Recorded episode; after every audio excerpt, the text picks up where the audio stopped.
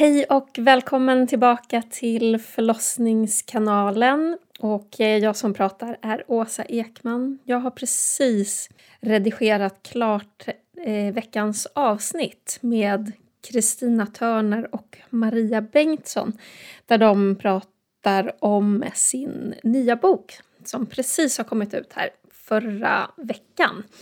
Förra fredagen var det releasefest för boken som heter Revolution i BB-fabriken. Hur du tar tillbaka makten över din kropp och föder friskt i ett sjukt system. Och det här är ju en bok som vi har längtat efter. Det är ett samtal som vi har längtat efter att ha tillsammans med Maria och Kristina. Och det ska du få lyssna på alldeles, alldeles strax. Vi har lite problem med ljudet igen inledningsvis. Framförallt så är det Anna och jag som inte hörs. Så att det blir lite eh, managering för dig kanske med volymen upp och ner för att höra vad vi säger och sänka när Maria och Kristina pratar. Men eh, ja, vi får be om eh, ditt överseende och kärlek och förståelse för att vi gör så gott vi kan med den utrustningen som vi har. Det är jag tillsammans med Anna Bjelkefelt som pratar i det här avsnittet med Maria och Kristina. Med oss i studion har vi också Annas dotter Signe. Så om ni undrar var Anna tar vägen så har hon smitit ut för att Signe har börjat snacka eller vakna eller så. Så då är det framförallt jag som sitter kvar i studion. Men vi hoppas att ni ska gilla avsnittet, så vi kör igång.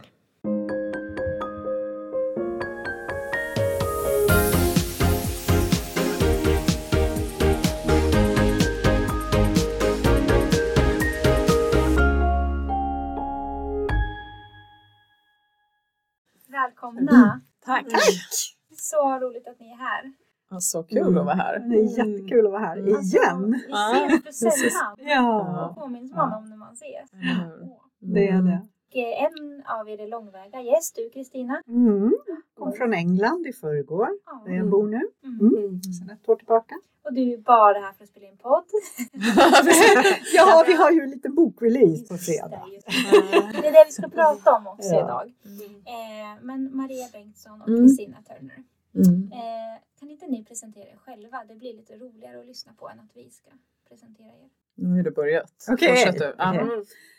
Um, ja, jag brukar beskriva mig själv som författare och födelseaktivist. För det sammanfattar typ det jag håller på med. Så att, um, jag har skrivit två böcker nu uh, om uh, födandet. Den första boken om födandet som en, en, en initiering, en spirituell process Eh, vad som är möjligt för kvinnor att uppleva psykologiskt och andligt när de är gravida och föder barn. Och den här boken som nu lanseras på fredag har jag skrivit tillsammans med Maria, min älskade vän och businesspartner. Eh, och den är en systematisk överblick över strukturproblemen i förlossningsvården kan man säga kort. Mm. Så det är, det är författarbiten. Sen födelseaktivistbiten är ju att när, när man en gång har fått upp ögonen för hur sjukt systemet är så är det väldigt svårt att bara sitta ner och hålla sig lugn i båten igen. Mm. Och det passar inte min personlighet. Så jag är, jag är en av de där jobbiga personerna, högljudda jobbiga personerna. Mm. Så jag har demonstrerat, ockuperat, lobbat politiker och skrivit en massa i, i snart 15 års tid. Mm. Uh, och nu som sagt har jag nyligen flyttat tillbaka till England där jag engagerar mig i samma frågor även där. Mm. Och du har varit i podden två gånger förut, eller hur? Ja, jag tror det. Ja. En gång Minst. om det här med spirituella i födandet. Exakt. Och sen en gång om obstetriskt våld. Ja, precis. Mm. Just det, just det. Det avsnittet har många lyssningar. Mm. Ja, bra. Mm. De här frågorna tar vi ju upp i boken också. Mm. För allt det här hänger ju ihop. Det obstetriska ja. våldet och det spirituella i födandet mm. är intimt sammankopplade med varandra för att det är den kraften man vill förtränga och förtrycka. Mm. Det ena slår ut det andra, mm. tyvärr. Exakt. Och eh, jag heter Maria Bengtsson. Jag bor på Värmdö med mina tre barn, Gustavsberg. Um, ehm, ja, jag är eh, utbildad journalist, eh, utbildad doula och även gravidmassör nu för tiden. Och driver företaget Bride Organics tillsammans med Kristina som vi startade under covid. tiden där 2020. Och vi ehm, drev också Own Your Birth, plattformen Own Your Birth. Den drev vi i typ två år. Vi hade webbinarier, bjöd in gäster från hela världen. Superspännande tider var det. Mm. Och vi sågs ju allihopa då på mm. den här plattformen. Mm. Man fick eh, känna att man var i kontakt med andra likasinnade men också eh, fylla på med ny kunskap och känna att man, ja, men att man inte var ensam i sitt arbete. Det var väldigt härligt och inspirerande och gjorde att man orkade fortsätta på många sätt faktiskt. Ja, jag och Kristina har ju samarbetat i typ 12 år, uh, eh, 13 snart. Wow. Mm. Ah. ja, det är fantastiskt att träffa en person som man fungerar så bra med och som man har så kul med. Och mm. samtidigt kan vara så här kreativ med. Mm. Känner samma, mm. mm. ah, ah, ah. Det är något det är av det bästa med att engagera sig i den här, den här typen av arbete. Det är systerskap som får möjlighet att framträda för att vi mm. arbetar specifikt med kvinnofrågor mm. och vi samarbetar. Man arbetar på ett helt annat sätt än man är van vid från den vanliga världen, mm. upplever jag. Det är så mycket mer ömsesidigt stöttande. Mm. Ja. Och det blir så kraft när vi kommer samman. Ja. Mm. På ett helt annat sätt. Och det är det som många tycker är läskigt. Ja. Men Maria, du har också varit här i podden innan. Ja, det har jag. Två mm. gånger ja. till och med. Ja. Och pratat första... om dina födslar. Ja, första gången var det väl om böckerna. Just jo, just det, för jag har ju också skrivit två böcker. Ja. Två holistiska böcker om graviditet och födsel och eh, postpartumtiden. Mm. Uh, och Säg gärna vad de heter. Ja, eh, jag skrev dem tillsammans med Victoria Häggblom. Och de heter Gravid med kropp och själ och Född på dina villkor och kom mm. ut 2019. Så de är ju mer som ja, men holistiska guider mm. där, uh, där man får hjälp med allt från hur man kan ta hand om sig själv fysiskt, uh, mentalt men även den själsliga biten mm. går vi in på också. Och vi nämner ju saker som vi går mycket djupare in i vår bok. Mm. Kristina som min bok, mm. uh, Revolution i BB-fabriken. Mm. Uh, mer då än i de här andra böckerna. Där är det som att vi bara scratchar lite på ytan typ mm. och ger lite ja, men, tips och råd och uh, inspiration. Mm. Men på ett mer lättsamt sätt. Mm. Det var faktiskt när jag skrev de här böckerna som jag kände en frustration. Och, det väcktes väckte liksom en, en känsla av ett behov att få säga det ännu tydligare, att få skrika ut till världen det som man kände att folk ville lägga locket på. Eh, och tillsammans med Kristina så uppbådade jag även något typ av mod att våga göra det också. Mm. Precis. Så, så, boken är ju, ja. Och den här djupdykningen har ju vi som jobbar med födande längtat efter. Mm. Vi har ju vetat att den har varit på gång ett tag. Mm. Um, och um, du nämnde titeln, men vi skulle först vilja bara fråga så här, vem, vem skulle ni säga riktar sig boken till? Den riktar sig till precis alla. Mm. Därför att alla föds. Det här är inte en mm. kvinnofråga. Det här är inte en kvinna för dolor. Det här är inte en, kvinna, eh, en fråga för barnmorskor eller för specifikt för gravida. Mm. Utan det här påverkar precis alla. Hur man föds spelar roll för ens fysiska och psykiska hälsa under resten av livet. Mm. Så vi måste gå ifrån att det här är en smal fråga som bara berör en liten andel mm. av eh, mänskligheten eller väljarna. Den mm. berör precis alla. Mm. Och om du föds i trauma på en BB-fabrik eller om du mm. föds i lust och glädje i den miljö som mamman själv har valt, det spelar stor roll. Så den vänder sig inte till någon specifik målgrupp egentligen. Och vi hoppas ju att politiker kan läsa det. Mm. Uh, så att de får en större förståelse för problemet mm. Mm. än det de har nu. För mm. vi har ju pratat med ganska många politiker och försökt uppvakta dem och skapa opinion kring det här. Mm. Men det är liksom samma typ av eh, floskler som används hela tiden. Ja. Så vi, vi, behöver spräcka liksom den idén som man mm. har. Vi vill, vi vill till ett um, attitydskifte skulle jag säga. Och det i alla människor, liksom, hur vi tänker kring kvinnokroppen och hur vi ser på systemet. Mm. Um, komma bort ifrån att det här ja, att det är normen hur vi föder mm. barn och mm. hur saker och ting går till mm. inom förlossningsvården. Att liksom ge ett, ett vidare perspektiv, ett högt perspektiv på något sätt. där folk kan se hur galet det verkligen är. Mm. Så vi har ju ett, vi kommer mer in på det här sen, men vi har ju ett eh, historiskt kapitel exempelvis mm. där vi visar, där man kan verkligen få perspektiv över att så här, det vi tyckte var normalt eh, tidigare när man drogade kvinnor, det tycker ju vi nu är rätt sjukt. Mm. Och vi tror att precis på samma sätt kommer man tänka kring förlossningsrutinerna idag. Mm. Att det kommer, de kommer äh, liksom ses som ganska barbariska. Som är det normala idag. Som är det normala mm. idag, exakt. Mm. Men långt ifrån naturligt. Mm. Precis. Mm. Precis. Eller sunt eller friskt. Och, Mm. Ja, jag tycker ni touchar på det här med hur ni liksom, vad ledde er fram till att skriva den här boken, men berätta mm. gärna lite mer. Mm. Mycket har handlat om att eh, våga ta bladet från munnen och mm. säga som det är. Mm. För under den här resans gång som vi har samarbetat, alla vi som sitter i det här rummet har samarbetat och försökt påverka på många olika sätt, så har man ändå försökt att anpassa sig till systemet och vara liksom vänlig och inkännande mot barnmorskorna, vänlig och inkännande, respektfull mot läkarna, eh, förstå att saker inte kan ändras i en handvändning. Mm. Eh, jag har lyssnat väldigt mycket på vad auktoriteter har sagt mm. om förlossningsvården. Eh, och det har visat sig inte vara sant helt enkelt.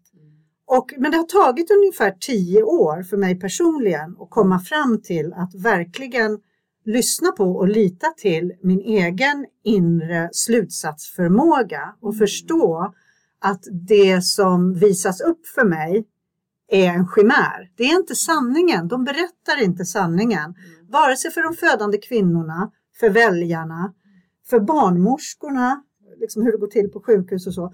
Så bara, jag bryr mig inte längre hur jag tas emot som person. Om folk tycker att jag är knäpp, jobbig, besvärlig, eh, eh, inte tillräckligt påläst eller vad det är. Utan jag vet det jag vet av att ha studerat förlossningsvården och födandet i över ett decennium och pratat med tusentals barnmorskor från hela världen, tusentals kvinnor från hela världen och många, många förlossningsläkare också. Mm. Eh, så att en av de huvudmotivationerna för mig var att nu, är det dags att bara säga som det är. Sanningen om interventionskaskaden, om eh, effektivitetstänket på sjukhusen som skadar kvinnor, om eh, det obstetriska våldet och vad de risker kvinnor utsätter sig för när de går helt med skygglappar in i den här korridoren som säljs till dem som det här är det tryggaste, det här är det säkraste. Om du inte hade fött på sjukhus hade ditt barn kunnat dö mm. och hela mm. det narrativet. Mm. I've had enough! Mm. Och jag ryser verkligen, det är så himla sant. Ja. Jag kände det redan på min doula-utbildning 2009 att det fanns en tyst konsensus att man inte skulle berätta vad till de Absolut. gravida, vad som förväntades av dem. Och jag förstod mm. aldrig, jag kunde inte förstå det. För att jag menar, jag själv när jag blev gravid första gången ville jag ju veta allt. Jag ville mm. förstå vad som skulle hända med min kropp och med mm. min bebis. Mm. Och gjorde mycket research. Men det gäller ju också att ha den tiden, orken och intresset att göra det. Och kanske ett, ett, ett visst sätt att tänka, mm. eller ifrågasättande. Mm. Och har man inte det så är det så lätt att man missar det mm. och tänker att ja, men det blir som det blir. Eller jag måste ju lita på de som vet, som är experterna. Eh, om man lägger över ansvaret på någon annan. Eh, och när jag själv började dola så förstod jag ju att äh, de, de eh, förstod ju att det var inte en sund inställning. Eh, och eh, efter några år var jag tvungen att sluta dola för att jag blev så otroligt ehm, eh, illa berörd av att se hur kvinnorna blev behandlade mm. under förlossningarna. Så jag orkade faktiskt inte dola mer och det var då jag började skriva istället. För att jag ville ge jag ville nå ut till flera och jag ville kunna säga som det var mm. tidigare i graviditeten. Mm. Uh, och någonstans där hittade ju vi varandra, jag och Kristina. Och vi började båda engagera oss i födelsehuset som uh, numera kallas uh, Birthright Sweden. Vi startade tillsammans uh, Stockholmsgrenen av födelsehuset och arrangerade föreläsningar och vi hade Aina May Gaskin här och andra mm. fantastiska barnmorskor och läkare Ehm, men det var ju också framförallt, ehm, målgruppen var ju framförallt barnmorskor som kom för fortbildning. Men sen, och då började vi förstå den frustrationen från det hållet också, att barnmorskorna kunde ju inte, det var många barnmorskor som var nyfikna, som ville veta mer, som ville fortbilda sig. Men sen visste de inte vad de skulle göra av den här kunskapen för de var ju fortfarande bakbundna mm. av förlossningsrutinerna mm. och PM på mm. sjukhus. Mm. Så att de kunde inte heller praktisera det de lärde sig. Så vi såg ju det här och som Kristina sa, vi har också pratat med, jag menar varenda, sitter man på en buss exempelvis som när jag var i Frankrike för några veckor sedan så träffade jag en, en, en engelsk kvinna som hon kanske var i 20-årsåldern och vi började prata och jag berättade vad jag håller på med.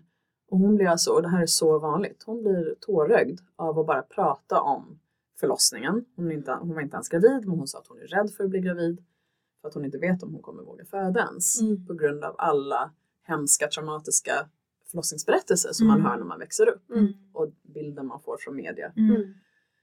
Um, så vi förstod ju det och kände så här, men alltså, vi måste nå ut på något sätt mm. till fler och vi måste säga som det är. Precis! Som du sa, ta bladet från munnen, det var verkligen ja, det var en stark drivkraft, eller det är ju vår drivkraft. Det är vår drivkraft. Mm. Och då, vi började ju redan, kommer jag ihåg när jag var gravid med Anton, så började vi, vi hade någon idé om att vi skulle starta en tidning, kommer du ihåg? Ja, ja, ja. Så vi började bara så här, alltså vi hade så mycket idéer och det var så mycket, vi, hade, vi satt på så mycket, det var liksom mm. den här, bara, wow, vi måste få ut det här. Så vi satt och turades om att bara prata och den andra skrev mm. som tusan. Bara, knappt med. Så vi, jag vet inte hur många timmar vi har spenderat på att bara mm. få mm. ner alla tankar, alla idéer, mm. alla vittnesmål. Liksom allt, all fakta, research. Det, ja. Mm. Sen en, en, annan motivation till att skriva boken det är ju också visionen om vad som faktiskt är möjligt. Mm. Så det är, man säger den andra halvan av boken handlar mm. om rättigheter mycket, vilka, vilka mänskliga rättigheter man har i födandet. Det är ju helt sjukt att man överhuvudtaget ska behöva ta upp det, men det är en väldigt viktig del i att mm. förstå systempressen, att se det ur ett rättighetsperspektiv. Och sen vad som krävs för att skydda det fysiologiska förloppet hos en frisk kvinna är egentligen väldigt lite. Det är mindre än vad, vad som erbjuds på sjukhus. Less is more. Mm.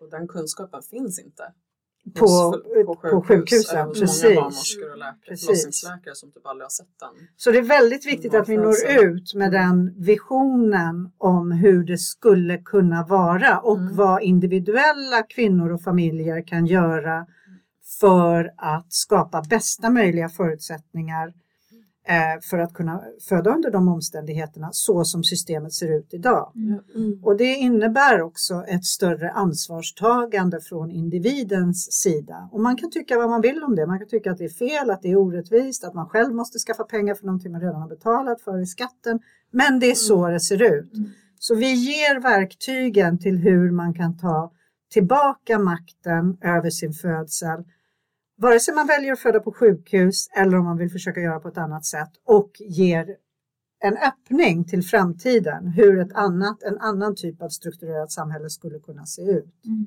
Mm. Och där, ni har ju en undertitel till boken mm. som heter BB i Nej, Revolution i BB-fabriken. Har vi ja, sagt det? Det, det är ju namnet på boken. Och, och underrubriken ja, är? Hur du tar tillbaka makten över din kropp och föder friskt. Det är ett sjukt system. Mm. Ja. Och, då, eh, och då kanske man, vi som ser det här och upplever det från insidan mm. eh, till vardags, mm, vi som dolar. Vad, skulle, vad säger ni med era egna ord om vad är det som är så grundläggande sjukt och fel i förlossningsvården? Mm. Oj, vad ska vi starta? Ja, Men eh, synen på kvinnokroppen skulle jag säga att det startar med. Mm. Uh, vår egen syn på vår egen kropp och sexualitet är ju vart allt startar mm. egentligen. Att uh, vi vill nå att, att um, redan som ung kvinna så behöver vi ta tillbaka makten över vår kropp. När det kommer till liksom vikthets och utseendefixering och sexualitet, pornografi, liksom att vägra tillåta att någon annan får bestämma över vår kropp mm. och vad vi ska göra med den. Liksom hitta kontakt med sin egen kropp.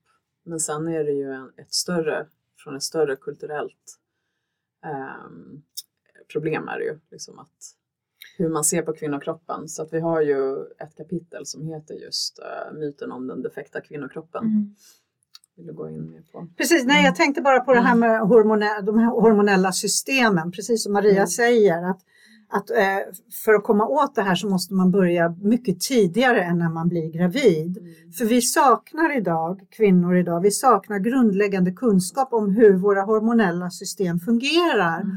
Och under födandet så är det helt avgörande för att den fysiologiska processen ska kunna utspela sig i kroppen att ditt hormonflöde får ske ostört. Mm. Och BB-fabriken mm.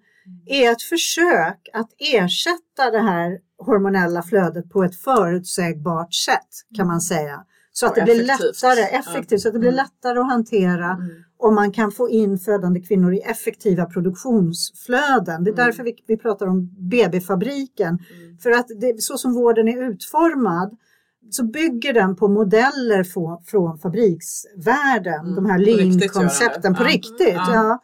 exakt, att det, det, det är liksom beståndsdelar som ska igenom ett system så effektivt som möjligt på löpande band. Mm. Men det är två stora problem med, med det när det kommer till födandet. Det är ju för det första att eh, födande kvinnor skiljer sig fundamentalt från de andra patienterna i den här vårdfabriken. Eh, därför att de är inte sjuka. Den mm. absoluta majoriteten är inte sjuka. 80 procent, 75 procent mm. kanske till och med, är inte sjuka.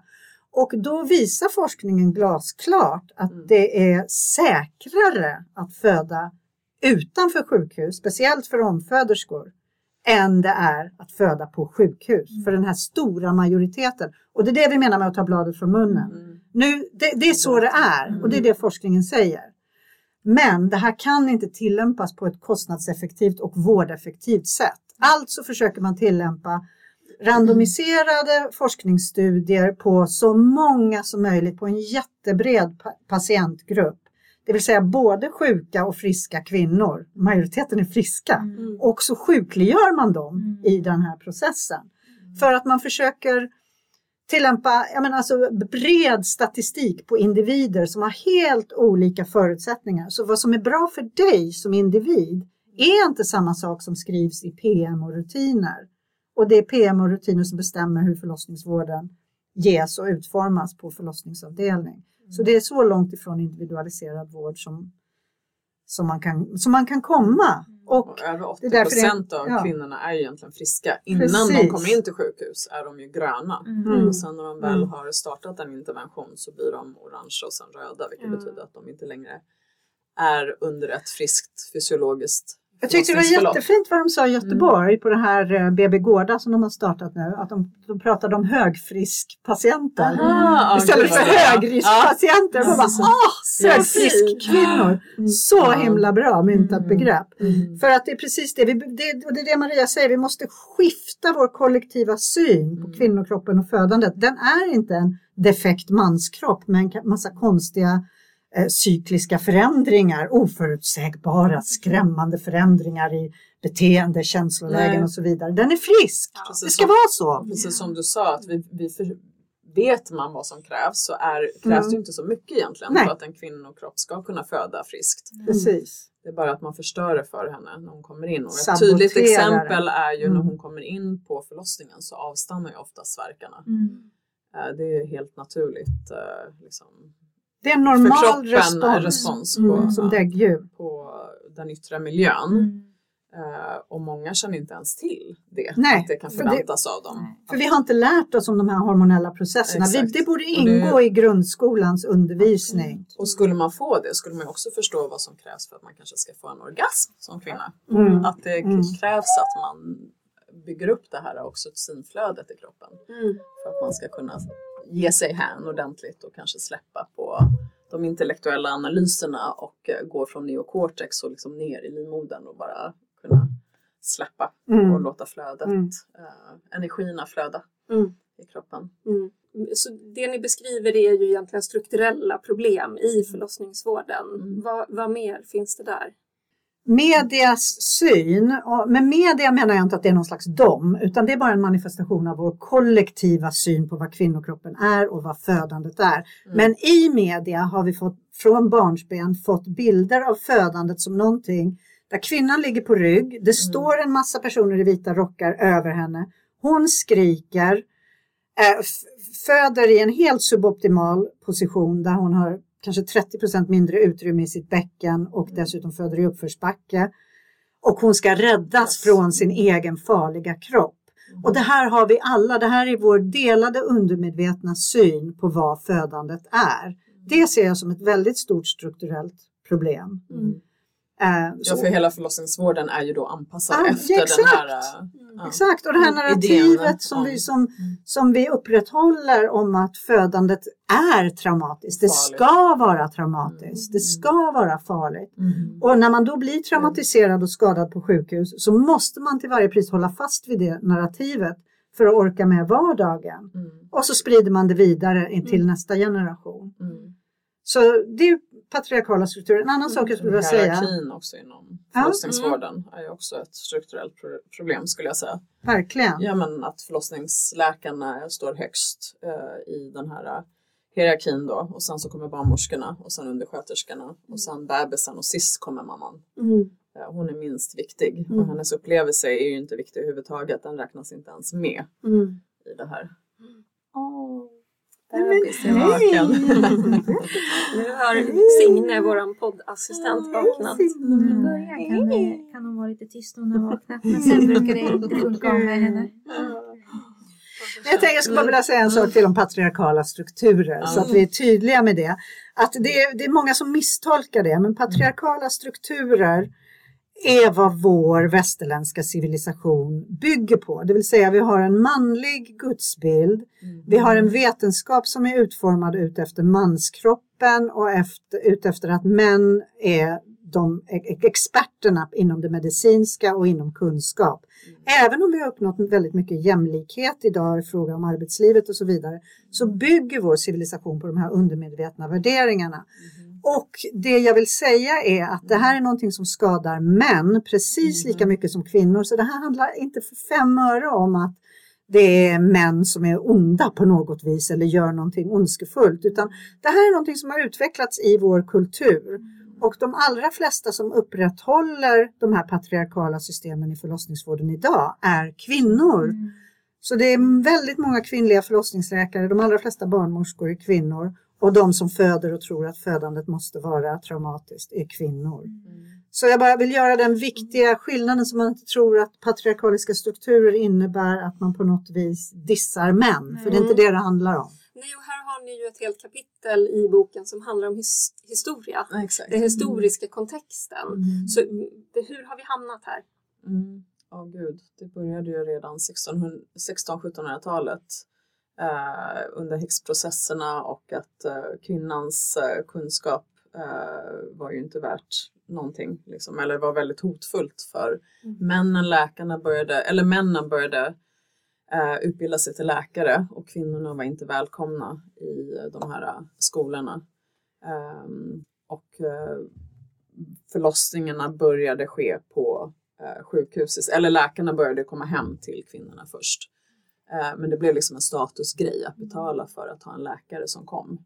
Ehm, och eh, man började, för, man började lägga kvinnor på rygg och därmed skapade man ju också problem, eh, massa komplikationer, förlossningskomplikationer. Och behoven för verktyg föddes ju då också i och med att hon behövde hjälp mm. för att föda inom situationstecken.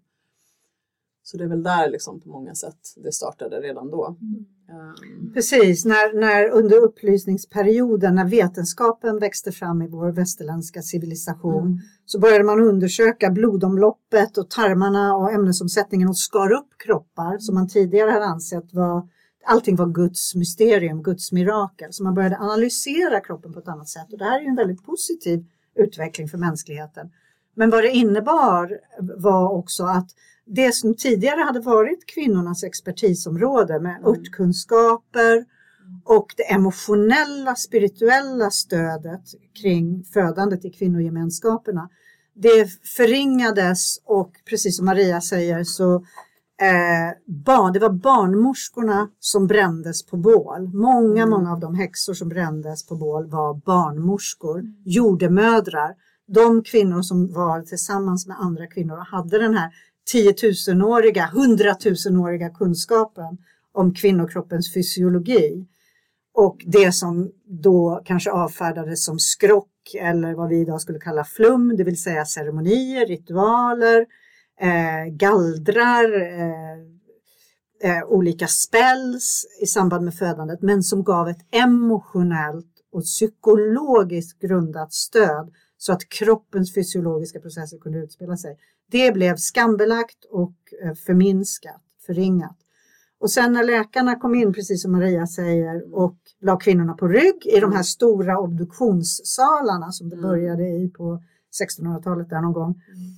Eh, så kunde de gå direkt från en obduktion till att förlösa en kvinna och då mm. uppstod i samband med det barnsängsfeber på en mer epidemisk skala.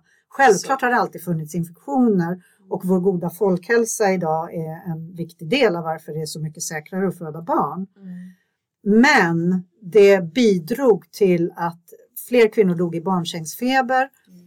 och då måste man lägga in kvinnorna på sjukhus och då låg de ännu närmare varandra och så spred sig barnsängsfebern som en löpeld och så blev födandet sjukare och sjukare och sjukare. Det är det vi tänker på när vi tänker på födandet som väldigt farligt. Mm. är ju för att vi fortfarande minns den tiden mm. då barnsängsfeber spreds eh, på alla sjukhus i, i Europa.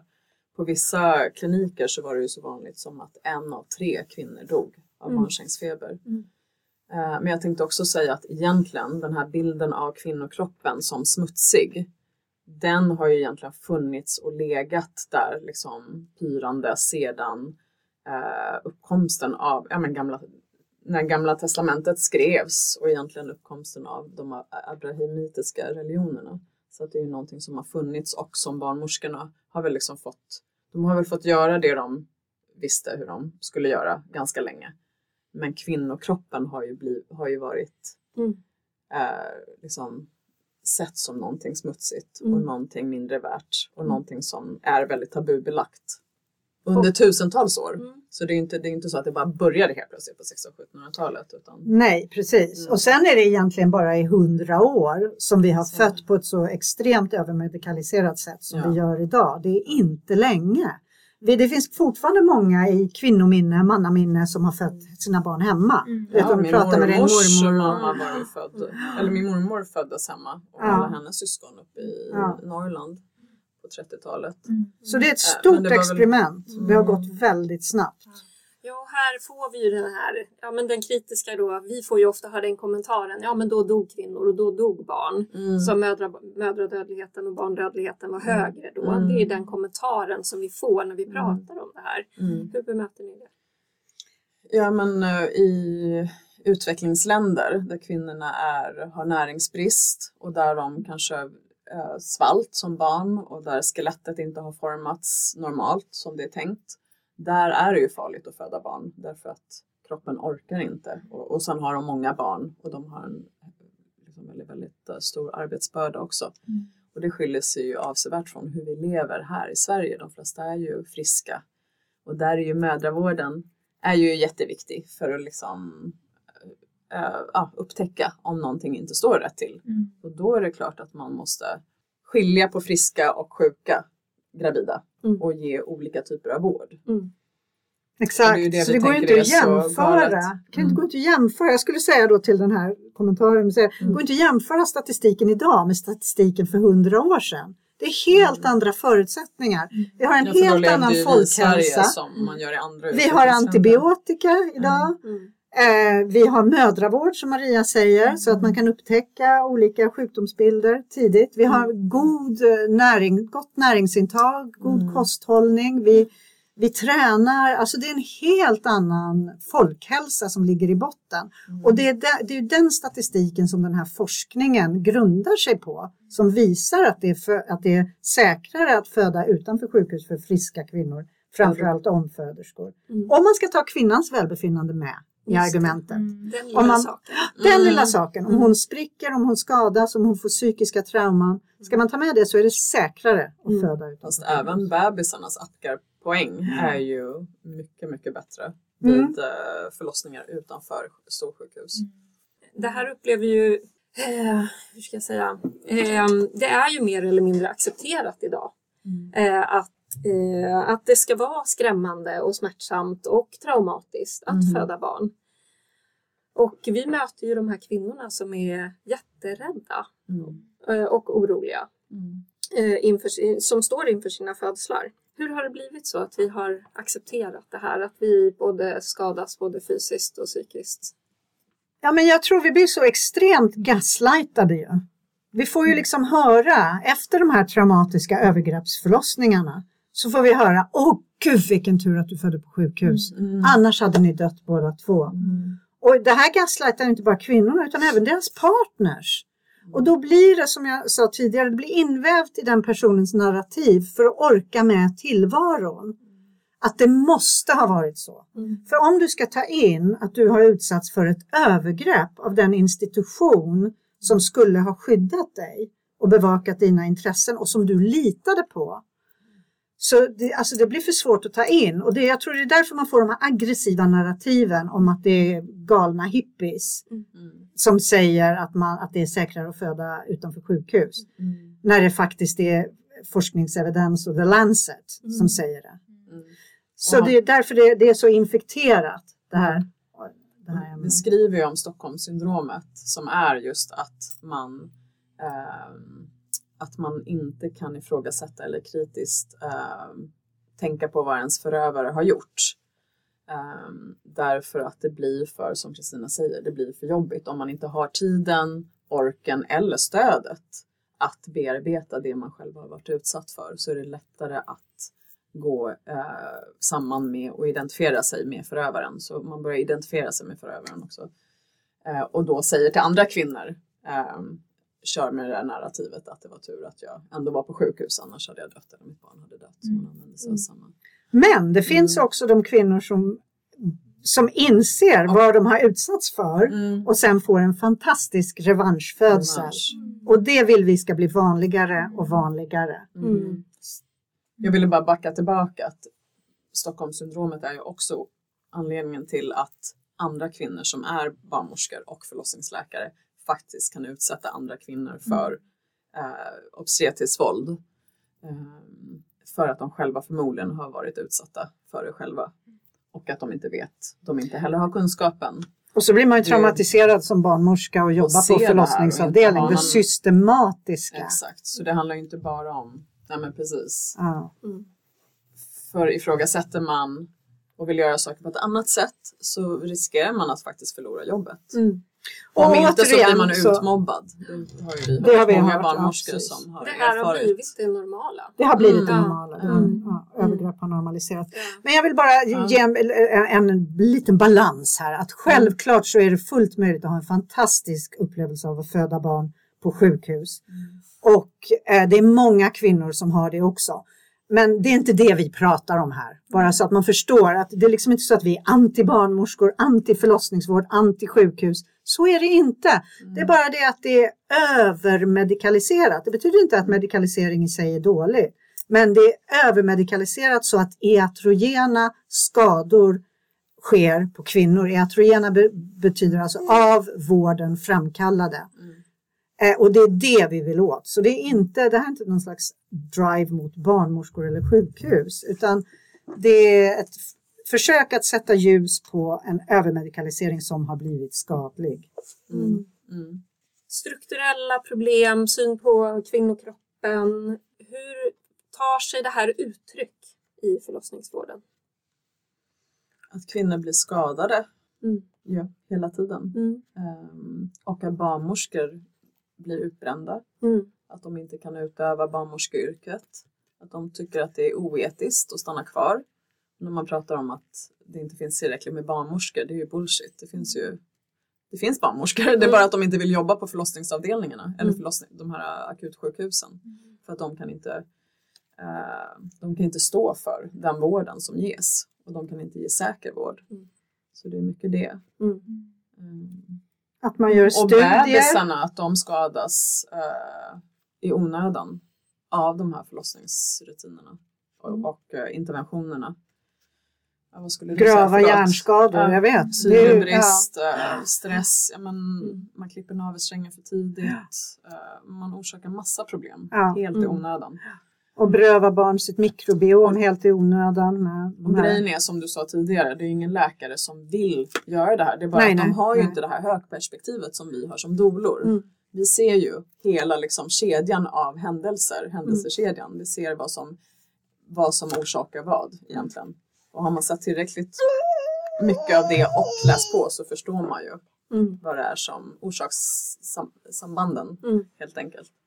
Och ser eh, också men, många olika sorters födande. Ja, mm, ja gör precis. Ja, mm. exakt. Helt ostörda och väldigt medikaliserade. Ja. Mm. Medan en förlossningsläkare kanske kommer in på slutet när det redan har när problem redan har uppstått. Men ja, de... ser inte vad det är som faktiskt leder upp till det. Nej, de är experter på avvikelserna i ja, födandet. Ja. Det är ju det de är experter på, patologin. Precis. Och de, de allra flesta har aldrig sett en ostörd födsel. Mm. Precis. Absoluta majoriteten har inte sett det. Mm. Och kirurgin i Sverige är ju fantastisk. Så mm. när det väl behövs så är det ju jätteviktigt. Det kan ju mm. vara livsavgörande att, mm. verkligen, att mm. få den vård som finns faktiskt här. När den behövs. När den behövs, exakt. Ja, vi, vi ser ju en utveckling, eller vi har sett en utveckling, vi hoppas ju att den vänder någon gång eh, mot mer och mer medikalisering. Mm. Eh, vi ser ju eh, fler och fler igångsättningar i och med nya rutiner. Eh, mm. Där vi, börjar vi närma oss en tredjedel. Mm. Ehm, så där har man ju redan en medikaliserad start på mm. födandet. Att, mm. att kvinnor inte ens ges möjlighet att komma igång spontant Precis. i sitt förlossningsarbete. Vill ni säga någonting? Vi pratar ju så mycket om interventioner. Vill ni säga någonting mm. om interventionskaskaden? Vi har pratat om den mm. tidigare i podden, men, men hur skriver ni om den i boken?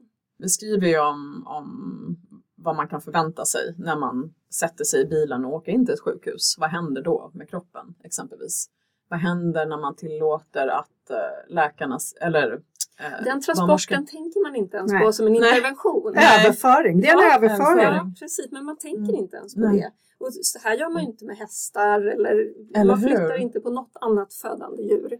Och så säger man att hemfödslar är farliga för då kan det behövas en överföring. Ja, Men alla, alla födslar överförs. överförs till sjukhus. Ja. Mm. Och som mm. du säger, inget stort däggdjur, inte ens kaniner har jag hört, får man röra. Nej, Många veckor, sex veckor tror jag är som Lantbruksverket har som regel för att mm. Man inte får överföra ett djur från en, man får inte flytta på dem, man får inte Nej. röra dem mm. eh, som dräktiga. Mm. För att man vet att det kan orsaka förlossningskomplikationer. Mm. Och, ändå vi, och vi vet ju att vi kvinnor är ju också däggdjur mm. och vi har liknande eller nästan samma hormonsystem. Hur mm. kommer det sig att vi inte förstår mm. sambandet mellan att man faktiskt inte bara överför kvinnor, man, man ska vara där och pilla och peta och lysa med starkt ljus och stå och liksom stampa för att man tittar på klockan och det är liksom mäta verkar, mäta, och mäta hur mycket man är prestation, prestation, prestation. Mm. Precis. Mm. Um, så, ja, men, men in, in, hur... hur... vi beskriver interventionskaskaden, det, det är ju precis som du mm. säger, om man mm. verkligen ska gå till grunden med det så är den första interventionen det är överföringen till sjukhus mm. av friska kvinnor. CTG. Precis, så att en interventionskaskaden är en, precis som du säger, en kaskad av interventioner, det vill säga mm. ingrepp utifrån i en fysiologisk hormonell process.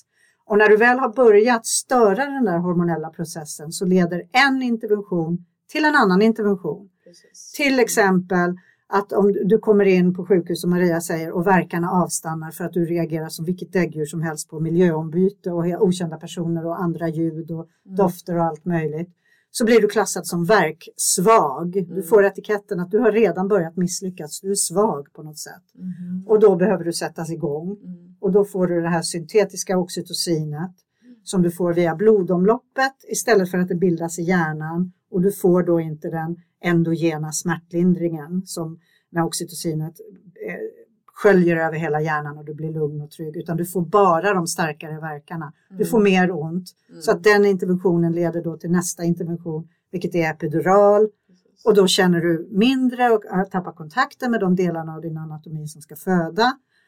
Och då leder det till mer eh, syntetiskt oxytocin så det, det, är väl hur vi beskriver interventionskaskaden mm. Mm. kan man säga. Ja, alltså bara väldigt snabbt. Men vi går ju in på det mer på djupet förstås. Ja, exakt. Ja. Och sen eh, ja, men igångsättning för att mm. man har gått, gått över tiden mm. äh, är ju också en, ett sätt att äh, starta den här äh, kaskaden Verkligen. av interventioner. Eftersom att man använder då syntetiska medel för att öppna livmodermunnen. Mm. Som kan vara väldigt, väldigt smärtsamt och som gör att man sen får behov av ytterligare eh, medicinering och eh, att bebisen behöver en skalpelektrod och det. Ja. Mm. Och de här interventionerna leder ju då eh, lättare till förlossningskomplikationer. Mm. Och skador. Och skador hos mamman och bebisen. Mm. mm. mm. Ja, du, du frågade om exempel förut. Jag tänkte på det här med hur, hur vi, vilka studier som får pengar och som görs. Att det, exempel på patriarkala strukturer och obstetriskt våld att det görs studier på att klippa kvinnor i underlivet i förebyggande syfte. Mm. Men det görs inga studier på vad det skulle innebära om man fick förutsättningar att föda fysiologiskt. Mm. Så att det här har att göra med de här systemiska grundläggande problemen mm. hur vården är utformad. Det finns inga pengar till det, det finns inget forskningsintresse. Mm. Eh, av att göra de här studierna på större skala. Och randomiserade studier kommer vi aldrig se på kvinnor för man kan inte lotta kvinnor till hur de ska föda. Mm. Nej, Så det är precis som med rökningen. Att, eh, vi, hade inte, vi hade ju kunnat lotta människor till att få röka i tio år och inte röka i tio år och sen se vilka som dog. Alltså det är mm. oetiskt. Mm. Så att det där argumentet och är nonsens. Det är så ologiskt att man gör en intervention för att undvika en intervention. Mm. Mm. mm. En annan ja. intervention. Ja. Mm. Nu har jag missat lite för jag har varit iväg med Signe. Har ni mm. pratat om varför den här boken är viktig? Även om jag fattar det. Eller vi fattar det. Uh, den är viktig därför att uh, för det första behöver ju kvinnan få höra sanningen om vad som förväntas inne på sjukhuset så att det inte blir en överraskning. Och den är viktig därför att det krävs ett eh, systemskifte, ett paradigmskifte i vår attityd kring kvinnokroppen och eh, förlossningsvården och vad som borde vara normalt och inte.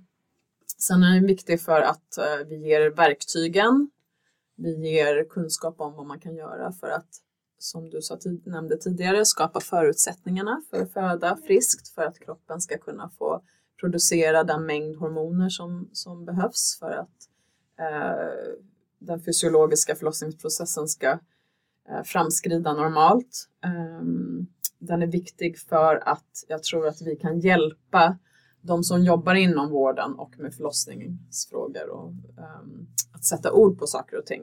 Och också bekräfta barnmorskor i hur de känner exempelvis, eller dolor. Ehm, och den är viktig för politiker eh, för att de ska få ja, men de ska få rätt fakta helt enkelt. Ehm, och vi nämner ju en del studier i boken också så att de, har, de kan vila argument på riktiga, riktig fakta helt enkelt mm. och research. Fast det, känner, det, det känner jag ingen större förhoppning för att det ska, att det ska ske. Okej, jag försöker vara lite optimistisk här.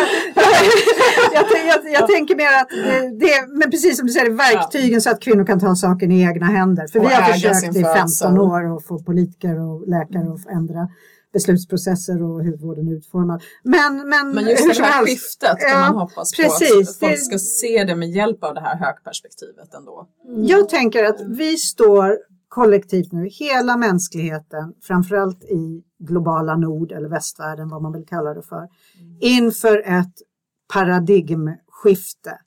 Det har redan börjat. Vi ser vad som håller på att hända. De gamla strukturerna faller sakta sönder.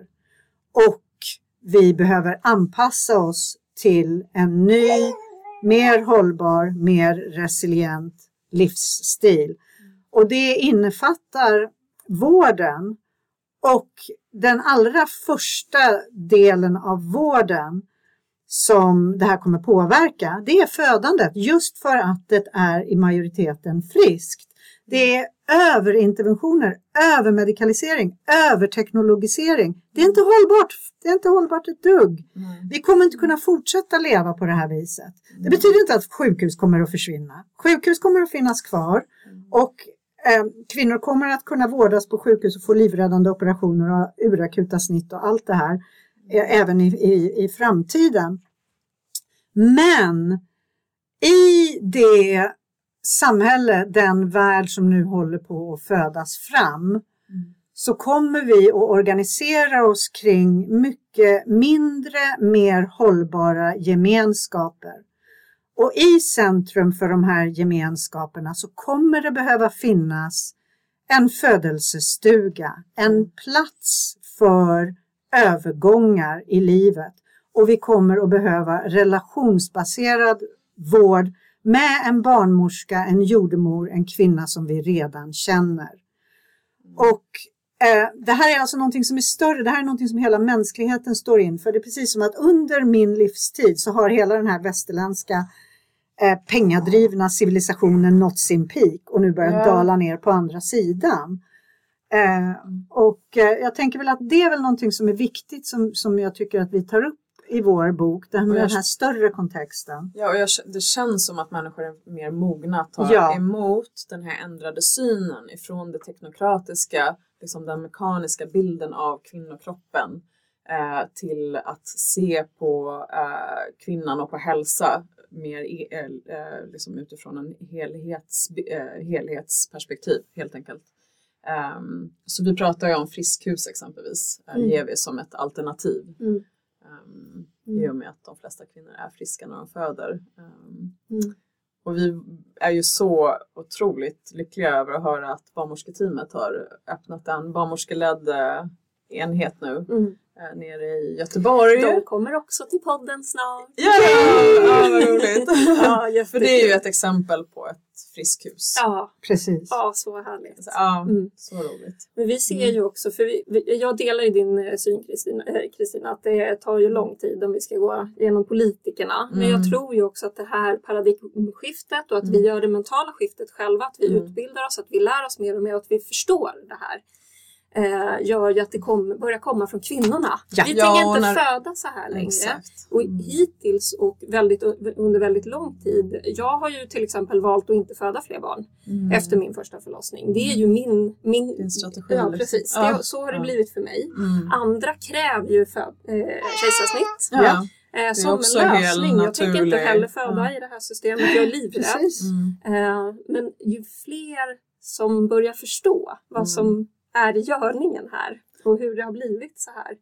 Ja, politikerna kommer ju behöva lyssna, lyssna när opinionen vänder. Ja. Så det är väl det vi hoppas på med den här mm. boken. Mm. Det är ju ändå en... Ja. Superviktigt. Mm. Men jag tänker, om man nu som sitter och lyssnar på det här avsnittet som gravid och tänker hjälp och kanske aldrig har hört det här tidigare. Mm. Men var börjar man förutom att mm. läsa er bok? Mm. Vad, vad har ni för nuggets att ge till gravida kvinnor? Jag skulle säga under graviditeten. Jag kan verkligen inte um, säga det tillräckligt starkt. Hur, liksom vikten av att stanna upp, våga stanna upp, att inte liksom ta den här tiden verkligen uh, och försöka känna in i kroppen. Det, låter, det kan ju låta väldigt, väldigt flummigt för någon som är van att prestera hela tiden som tycker att det, det kan man väl göra. om man, mår man bra kan man väl bara fortsätta att köra på. Och jag skulle verkligen rekommendera kvinnor som är gravida och lyssnar på det här att även om du mår bra, även om du har massa energi, se om du kan vända lite av den energin inåt för att se vad du behöver. Och då behöver man ha lite, man behöver vara i de här mellanrummen för att känna efter vad man, vad man har för behov. Eh, för i slutändan så är det ju dina behov och att det är du själv som är experten på din kropp som betyder mest. Mm. Och inte det du liksom får, det du läser eller tips och råd du får från andra. Så det måste ju också, läser du boken sen så måste det ju ändå klinga rätt någonstans mm. i dig. Så mm. du, då är det ju jätteviktigt det här med att ta, ta tid uh, för dig själv och våga stanna upp. Men det kan ju kännas väldigt läskigt. Sen tycker jag också att det är jätteviktigt att tänka att förlossningsrädsla i sig är inte farligt. Så det skulle jag verkligen vilja säga att så här, bli inte stressad över att du känner rädsla, för det är helt naturligt och det är också helt fint att föda med rädsla. Det, vi går igenom en existentiell kris när vi är gravida. Mm. Och det ska vara så. Mm. Så att inte fokusera så mycket på att få bort rädslan utan se om du kan vara nyfiken till liksom vad rädslan handlar om. Och man kanske kommer på då att rädslan, visst det är en existentiell ångest som kan komma från att man är gravid och att, det, liksom, att en stor förändring är på väg och man vet inte riktigt vad allt det innebär. Det är ju en del av rädslan kanske. Men en annan kan ju just vara att, eh, att man egentligen inte vill tillåta att någon annan tar kontroll över ens kropp. För när vi som doler och förlossningsaktivister pratar med andra kvinnor så är det oftast det man kommer fram till. Mm. Att det är liksom rädslan att släppa kontrollen och jag känner att media och läkare och andra kan liksom jag menar, nästan håna kvinnornas rädsla för att tappa kontrollen. Mm. Men jag anser ju att precis som med sex och med annat, vi behöver ju liksom vi behöver ha kontroll över vår kropp för att sen kunna ge oss hän och släppa kontrollen. Men vi behöver själva äga vår upplevelse, äga våra beslut, känna att vi har gjort det utifrån vad som kändes rätt för oss. Eh, och vi kan inte ge bort den den, liksom, den makten utan den behöver vi ha över oss själva. Mm. Så att, att ta ansvar och det är också så här, har, har vi en gång tagit ansvar för, för vår kropp, för vårt, för vårt liv, eh, för vår framtid så känner man ju att man också ökar makten och man sänker rädslan på det sättet också. Mm. Så det går väldigt mycket hand i hand. Så det skulle jag verkligen säga. Och då när man börjar fundera på sakerna utifrån det här perspektivet så kommer man också eh, inte bara veta vad man behöver för sig själv och för sitt barn eh, utan man kommer ju också man, man, kommer också ta de stegen mot som man behöver ta och bland annat så är ju det att, att se sig om efter det stödet man behöver skapa den, eh, de förutsättningarna i miljön som krävs Uh, välja bort människor mm. i sitt mm. liv under graviditeten, sätta gränser för sig själv. Mm. Liksom börja säga ja, tack men nej tack, jag vill inte höra dina råd eller jag vill inte göra saker på ditt sätt, jag vill göra det på mitt sätt. Att man liksom att man bevarar sin autonomitet är så otroligt viktigt mm. um, och känna att man har rätt att göra det. Mm. Att man liksom inte, så inte bara så att söka råd utifrån utan känna in men också inte tillåta, inte ens partnern ska behöva få bestämma hur mm. man ska föda sitt barn, på vilket sätt. För det är du som kvinna som kommer för alltid leva med, med liksom resultatet eller det som händer den dagen man föder barn. Mm. Eh, det är du som kommer leva med ett, liksom ett sargat sköte och mm. sargad själ och inte någon annan. Så jag, ty jag tycker, eller vi skriver om det också, att det är jätteviktigt att du verkligen själv ja, lär känna dig själv, förstår vad du behöver och sen så verkligen försöka hålla fast vid det. Mm. Och, det är du som kommer att leva med den enorma Exakt. kraftkälla du får tillgång till när du, när du ja. föder ja. på dina Exakt. villkor. Ja. När, när du tar ansvar mm. och därmed också har mandat mm. över hur det blir när du föder. Precis. Så får du tillgång till en outtömlig kraftkälla för du möter dig själv och du ser vem du är. Och det är det som de patriarkaliska omedvetna strukturerna vill undanhålla Exakt. kvinnor. För då blir vi mm. väldigt, väldigt farliga när vi går in i den här kraften, otroliga kraften. För mm. vad kan hända då? Då blir vi ju kreativa.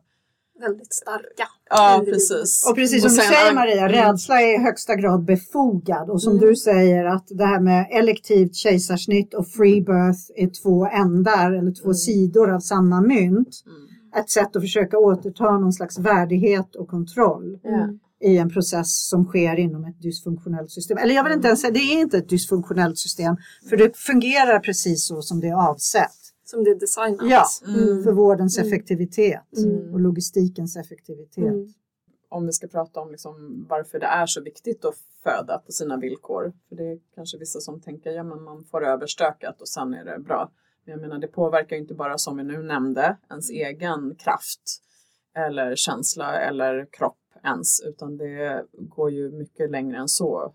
Um, exempelvis anknytningen påverkas jättemycket till barnet, men också relationer till partners och, uh, och till andra uh, för resten av livet. Så det är verkligen, och ens självkänsla, vi ser ju att uh, förlossningsdepressioner ökar och det har verkligen med att göra hur man föder och hur mm. man upplevde också stödet och tiden efter födseln. Så, jag skulle säga, det, man, det jag skulle vilja säga till den kvinna som är gravid nu, är, det, alltså jag upprepar bara vad Maria säger, men jag säger mm. kort i mina egna ord. Mm. Att lyssna inåt. Lyssna på din röst.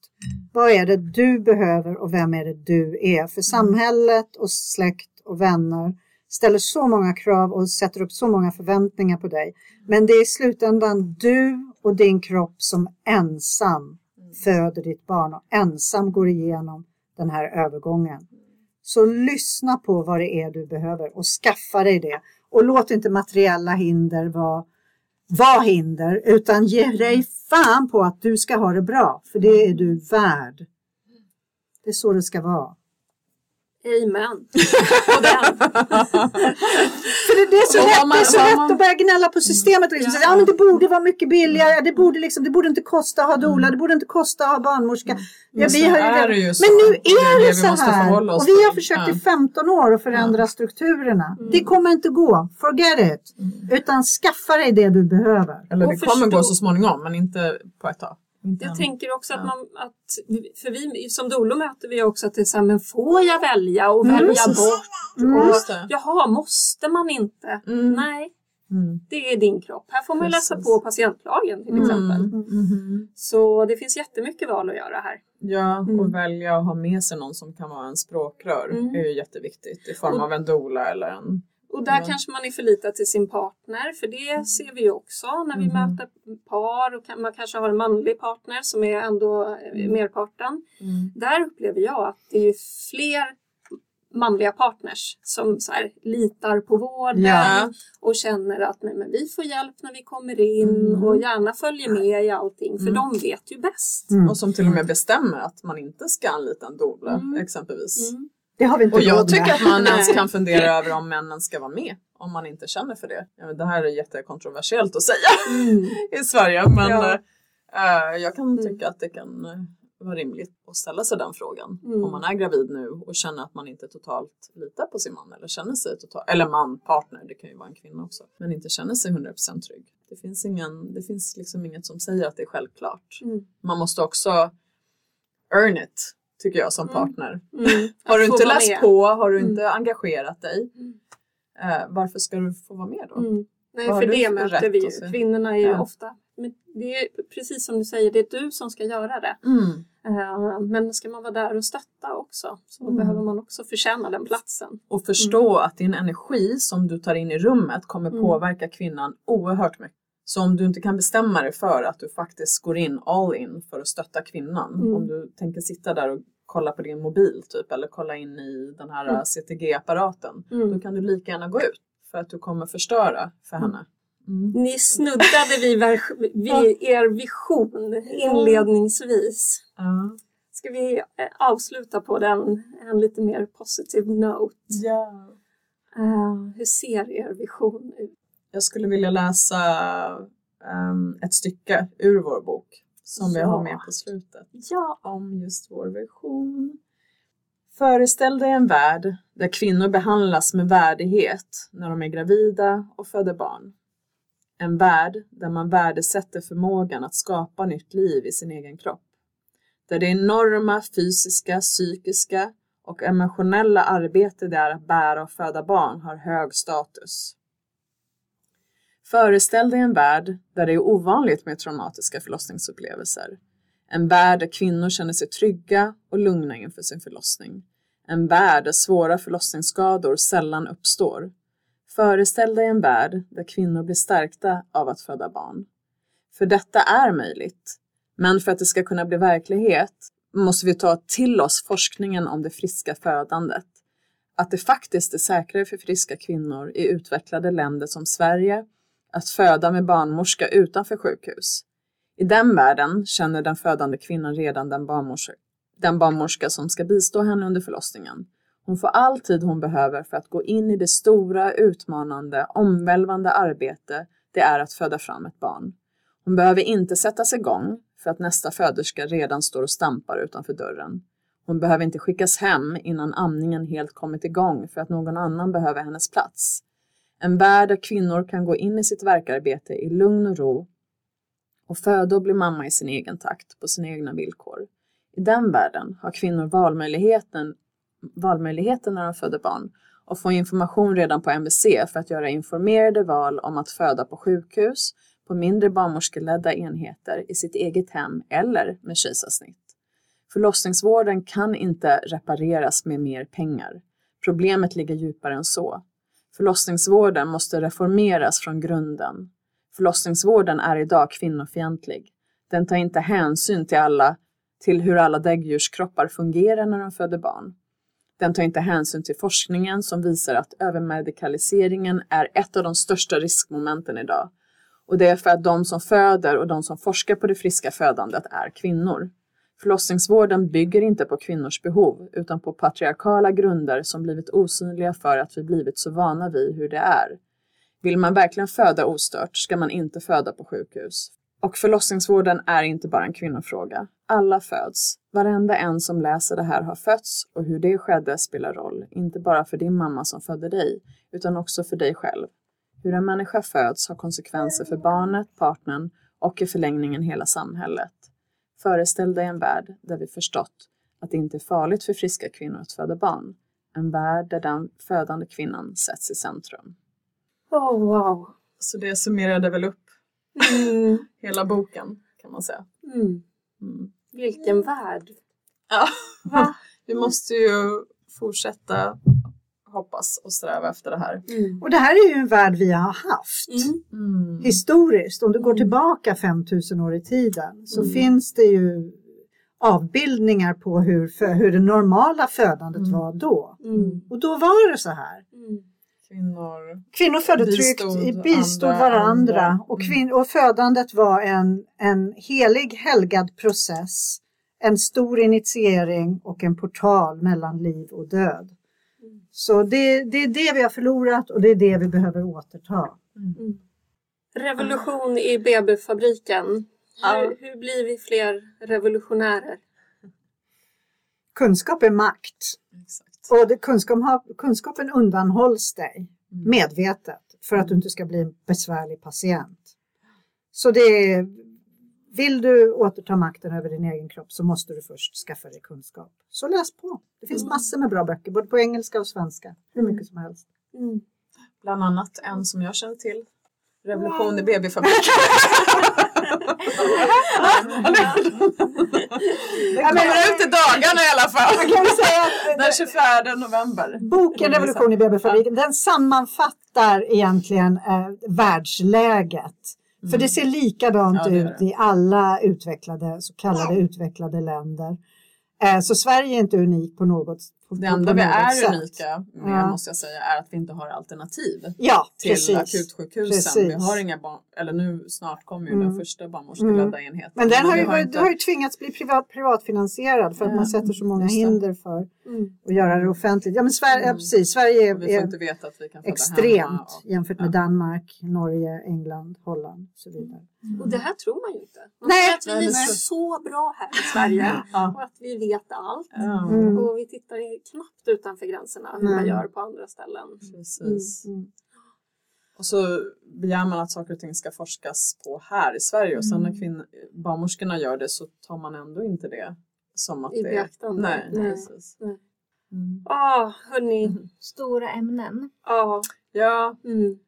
Verkligen. Mm. Känns man, som att det, vi bara man drar ju, lite. Ja, det är ju bara stora drag allting. Mm. Som... Jag kommer och skålar på fredag. Bra! Ja, vad kul! Tusen tack för att ni har kommit mm, hit. Tack. Verkligen. Mm. Stort, stort tack. Ja, Tusen tack, tack för att vi fick komma hit. Ja. Det är så roligt och mm. så glad att den här, den här verksamheten fortfarande fortsätter. Det är mm. så starkt och så viktigt. Mm. Tusen tack för ert arbete. Vi hejar på er och hoppas att boken får stor spridning. Det ska bli spännande att se vad, liksom, hur mottagandet kommer att se ja, ut. Mm. Vi, vi är beredda på det värsta. hoppas på det bästa. Ja, men man får liksom gå in med inställningen att uh, alla kommer inte gilla boken. Uh, och det måste få, för att man ska våga säga något så måste man också ha det. Våga vara lite obekväm. Ja, precis. Mm. Exakt. Tack. Tack. Och vilket viktigt samtal vi fick tillsammans med Maria och Kristina kring deras bok som kom ut den 24 november. Så den finns alltså att eh, köpa och beställa för dig som är intresserad av att läsa den. Det här är ju information som vi som dolor ofta pratar om och pratar med våra klienter om. Det är också information som eh, Anna och jag delar i Gravidresan online-community. Vår helt digitala tjänst där vi delar eh, erfarenheter, kunskap, information om vad som är bra att förbereda sig inom inför sin eh, förlossning, under graviditeten och även en del inför föräldraskapet. Så den kan du som är intresserad av att prata vidare med oss om det här kika in på. Vi kommer att öppna upp den för nya medlemmar inom kort, men gå in på gravidresan.nu och anmäl ditt intresse redan nu så får du ett meddelande när vi öppnar igen. Slutligen så vill jag bara avsluta med att läsa ett eh, citat av Kajsa Åkersdotter som är barnmorska som står längst bak på boken som vi precis har pratat om. Det låter så här. Sannoliken pågår det ett krig om kvinnokroppen och sannoliken är förlossningsvården av idag byggd på fundamentalt fel grund. Denna bok synliggör allt detta. In i minsta detalj får vi som läsare kännas vid det många av oss kanske anar någonstans inuti men som många inte orkat eller vågat titta på, inte kunnat sätta ord på eller ens varit i närheten av att ha förstått. Läs boken och eh, ta till dig det som resonerar hos dig. Stort tack för idag